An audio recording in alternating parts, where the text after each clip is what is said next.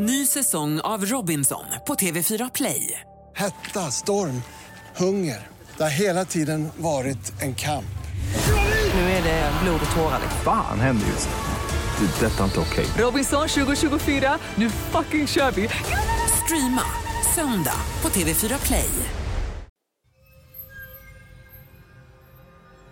När man ser hur hennes kläder är arrangerade och hur de här grenarna som är lagda så förstår man ju att det är en väldigt noggrann person som har gjort detta. Det är ingen som i hastigt mod har gjort någonting.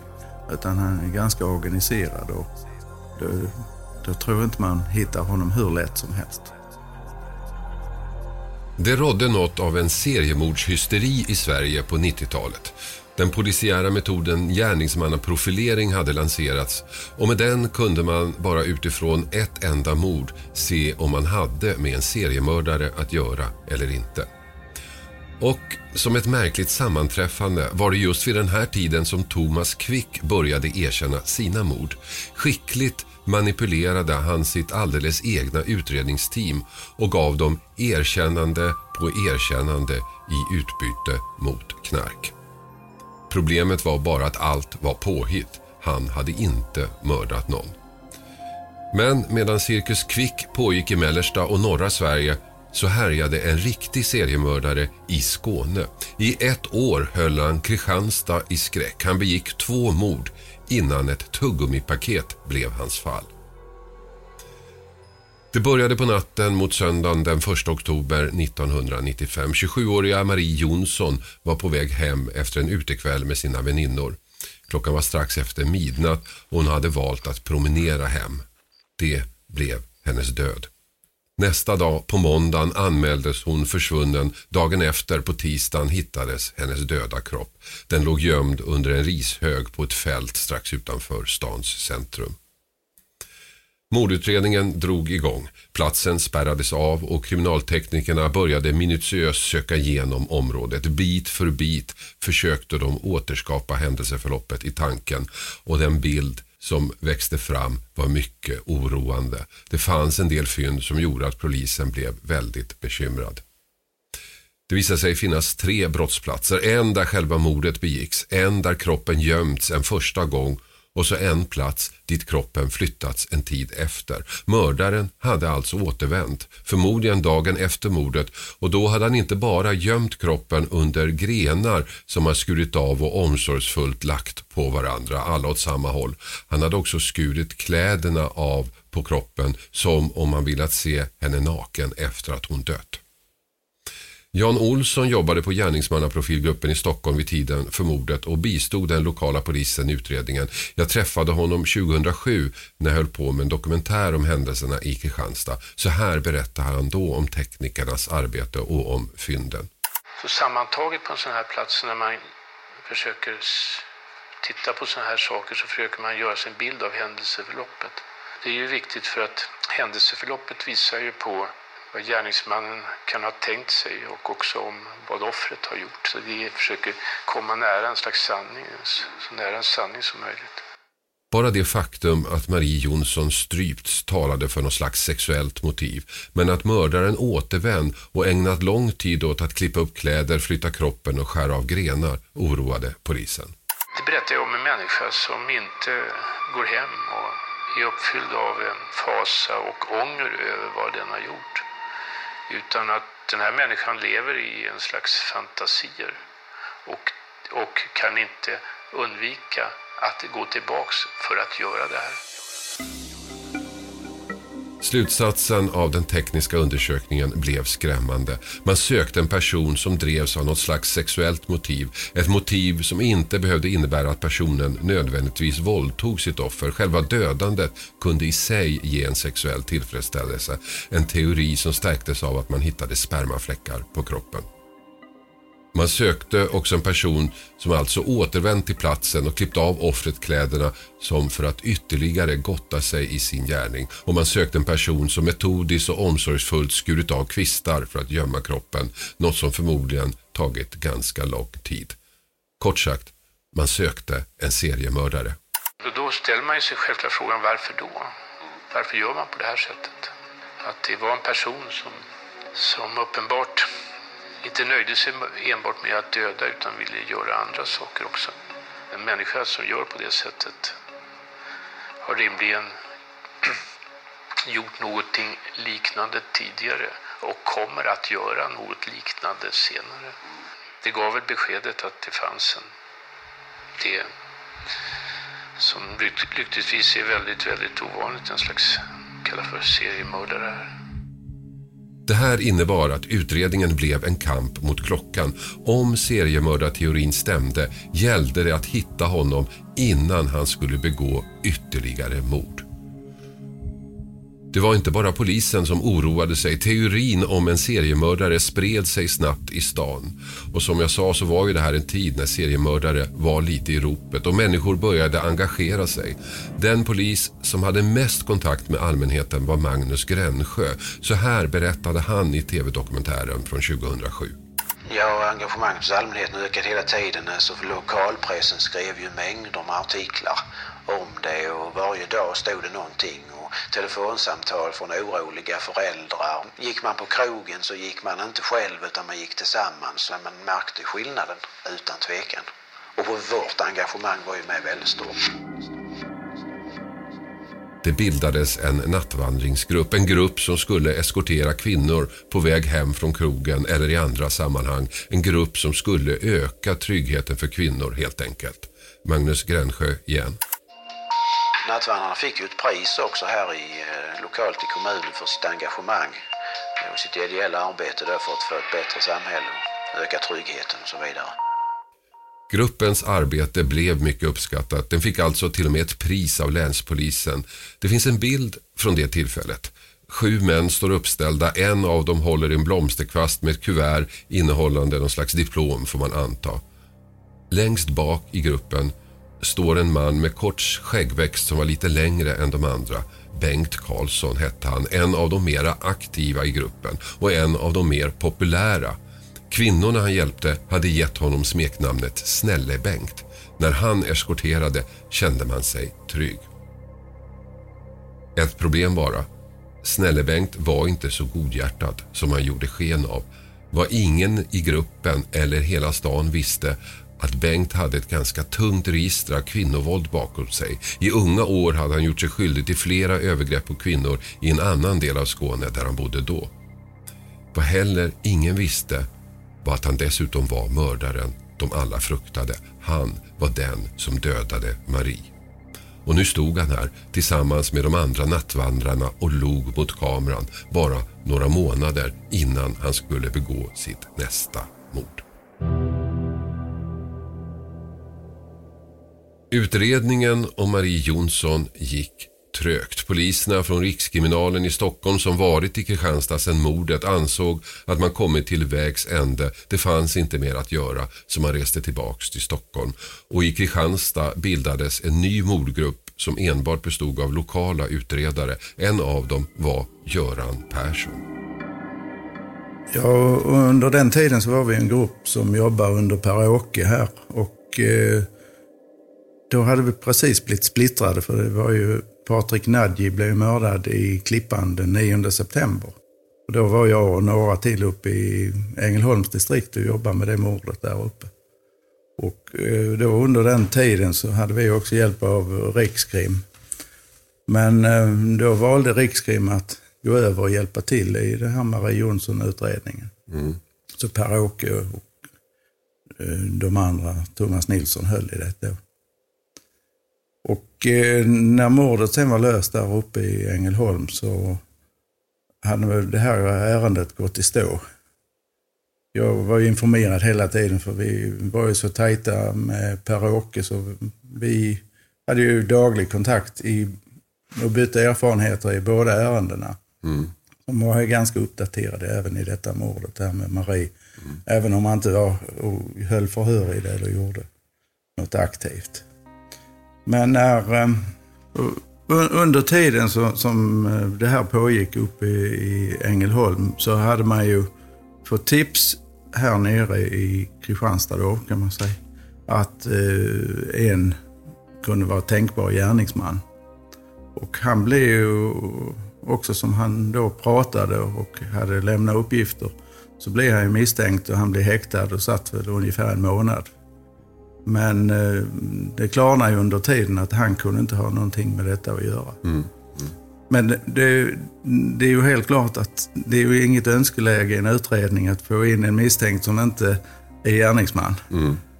För, för då blir det ju att eh, allmänheten slutar ju tipsa. Polisen har löst det. Då, då tänker man det är skönt att jag slapp att berätta det jag känner till. Mm. Så det, det är ju ett dilemma. Men du, eh, när ni var klara med det andra mordet i Ängelholm, då fick du på något sätt börja om den här utredningen om Marie Jonsson som lite grann hade ebbat ur kan man säga. Ja, vi var några stycken som eh, jobbade aktivt med detta då. I princip tog om från noll och körde hela vägen, både med teknik och annat vad som fanns. Mm. Vad gör man då när man tar över en, en utredning på det här sättet som har gått i stå? Hur, hur går det till rent praktiskt? Ja, det är ett jäkla läsande. Men det är till, bara till att plugga och göra noteringar. Att eh, var, vem, vem kan man höra om? Vem kan veta mer? Man, man får en känsla när man kommer in i utredningen. När du då gick igenom eh, hela utredningen som låg där, eh, vad fick du för uppfattning om det här? Vad, vad var dina tankar? Ja, tankarna var ju att eh, det, det, är ju kring Marie man måste leta. Och kring Harris där hon hade varit. Och det, så vi ehm, möblerade ju upp Harris och fick alla personer i princip eh, placerade på rätt stolar och rätt så gott det gick. De, de var ju ganska rörliga under kvällen där och så här men eh, vi, vi fick eh, hyfsad kontroll över det. Men vi kunde inte placera någon eh, som hade utmärkt sig på något sätt mot och betett sig något konstigt där inne. Ni gjorde en rekonstruktion kan man säga. Ja, precis. Den kvällen. Ja. Så att eh, vi, vi la in alla förhören med, med de tider som eh, de hade uppgett när de gick och kom och vilka de umgicks med och satt och pratade med. Och så här. Det. Mm. Nå, nå, nå, någon hörna på, på restaurangen kallas för Skamvrån. Det hade lite speciella namn. Mm, mm. Men eh, det, det, det, gav ingenting? Nej, vi, vi kom inte längre, men vi hade ju också iakttagelser av att någon mansperson hade stått utanför Kippers och var iakttag. Men vi kunde inte identifiera den. Idag vet vi vem mannen som sätts vid restaurang Harrys var, nämligen Snälle-Bengt, mördaren. Och Göran Persson har en teori han inte berättat om förut. Marie Jonsson blev inte slumpmässigt utvald. Bengt Karlsson visste vem hon var och han valde henne. Han bodde ju på Näsbyområdet och rörde sig ute bland eh, folk. Och eh, han eh, hade ju någon som var frisör till honom som var i området som kände Marie Jonsson. Mm. Och, eh, så, så, han var ju etablerad i området. Jag är ganska säker på att han var 100% säker på och visste exakt vilken lägenhet eh, hon, Marie Jonsson bodde i. Mm. För du, för du, alltså det här mordet såg ut som om det var en slump att hon bara hade råkat gå förbi honom på fältet där. Men du har en annan teori? Ja, jag tror att den mannen som syntes utanför Kippers eh, restaurang eller Harrys bar då, att det var Bengt som eh, eh, visste att hon skulle vara på Harrys. Det, det var ju för övrigt eh, en parentes då att Bengt förnekar ju att han överhuvudtaget hade varit på Harrys. Men vi, vi har ju uppgifter som säger att han har varit där. Mm. Och varför skulle han ju säga att han inte har varit och besökt Harrys när han... Om det inte var av den anledningen att han ville inte känna till det. Nej, men menar du då att han, att han, han har valt ut henne? Ja, förmodligen. Och det, sen är frågan, det har vi inte hundra koll på exakt vilken väg hon gick hem. Men en uppgift säger ju att hon ska ha gått eh, i princip förbi polishuset. Men då blivit eh, skrämd och vänt tillbaka och gått in på den här eh, sämre valet av väg och kostigen och ta sig hem det hållet. Men det här visste ingen då. Den nya utredningen arbetar vidare men framstegen uteblev. Bland annat på grund av att en misstänkt person redan suttit häktad en månad men släppts. Och han blev ju också som han då pratade och hade lämnat uppgifter så blev han ju misstänkt och han blev häktad och satt väl ungefär en månad. Men eh, det klarnade ju under tiden att han kunde inte ha någonting med detta att göra. Mm. Mm. Men det, det, är ju helt klart att det är ju inget önskeläge i en utredning att få in en misstänkt som inte är gärningsman. Mm. För då blir det ju att eh, allmänheten slutar ju tipsa. Polisen har löst det. Då, då tänker man det är skönt att jag slapp att berätta det jag känner till. Mm. Så det, det är ju ett dilemma. Så kom då december och julledigheten närmade sig. Det är då det inträffar, det man fruktat. Ännu en kvinna försvann. Seriemördaren slog till igen. Ja, vi höll ju på med ärendet aktivt. Eh, en grupp här, jag kommer inte ihåg exakt hur många vi var. Men eh, vi jobbar ju fram, men så hade vi julledigt då eh, när Karina eh, Jönsson försvann. Mm. Och det blev en anmälan om hennes försvinnande då, strax före julen. När, när du fick höra talas om Karina Jönsson, att hon hade försvunnit. Eh, slog det dig då att det kunde vara samma person redan då? Innan ni hade kommit något vidare? Ja, det, det är ju en tanke direkt. För lilla Kristianstad med, med många mördare springer inte att lösa här. Nej. Så det måste ha varit, det blev, det blev lite grann som den här seriemördaren ni någonstans fruktade eller väntade på? Ja, det, det, det, det som då visade sig att det var ett mord. Från, från början för, så var det ett försvinnande som vi inte hade någon lösning på varför hon hade försvunnit. Men efterhand som man kollade hennes eh, ja, bank och inga rörelser av pengar. Så, sen när man då gick in till henne så förstod man ju att eh, någonting hade hänt. Sängen hade ju havererat och sådär hos Karina. Men när ni höll på med den utredningen, Karina Jönsson, tänkte ni då att det är kanske också Maries mördare vi jagar nu. Sökte ni likheter eller fokuserar man på, på bara den här utredningen? Nu kör vi det här. Vi körde båda parallellt och, eh, jämförde med det vi hade i Marie Jonsson-utredningen med dess nya som kom in i Carina. Mm. Men eh, vi hade ju inte Bengt Karlsson på pappret heller. Nej.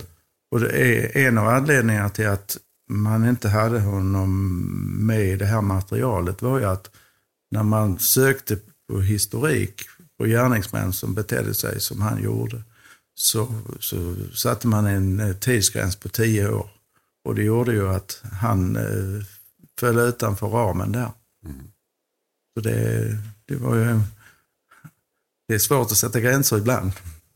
Utredningen på Karina Jönsson gick ju ganska, ändå ganska hastigt framåt. När insåg du, eller när, när blev du övertygad om att den man ni jagade där, för då hade ni ju Bengt Karlsson som, som huvudmisstänkt. När blev du övertygad om att det här är nog Maries mördare också? Ja, det, det, det, det fanns ju likheter i det här med, med hur mordet hos Karina hade gått till. Hur hon var bevakad av Bengt Karlsson. Det, det, var ju likheter med, som jag tolkade i alla fall, i Marie Jonsson. Och då, eh, när man ser de likheterna så, så varför skulle det inte vara samma? Karina Jönssons försvinnande blev upptakten på en intensifierad utredning. En utredning som den här gången lyckades. Hör slutet på historien om seriemördaren i Kristianstad i nästa avsnitt av Fallen jag aldrig glömmer.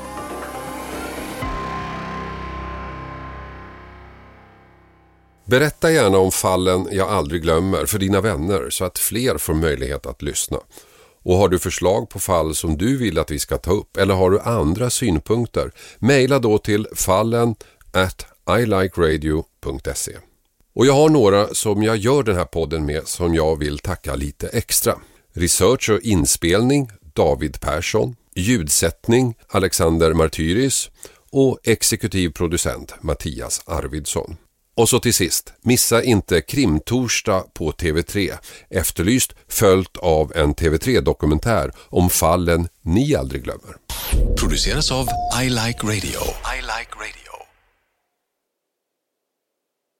Ny säsong av Robinson på TV4 Play. Hetta, storm, hunger. Det har hela tiden varit en kamp.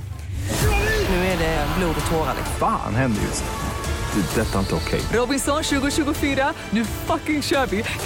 Streama söndag på TV4 Play.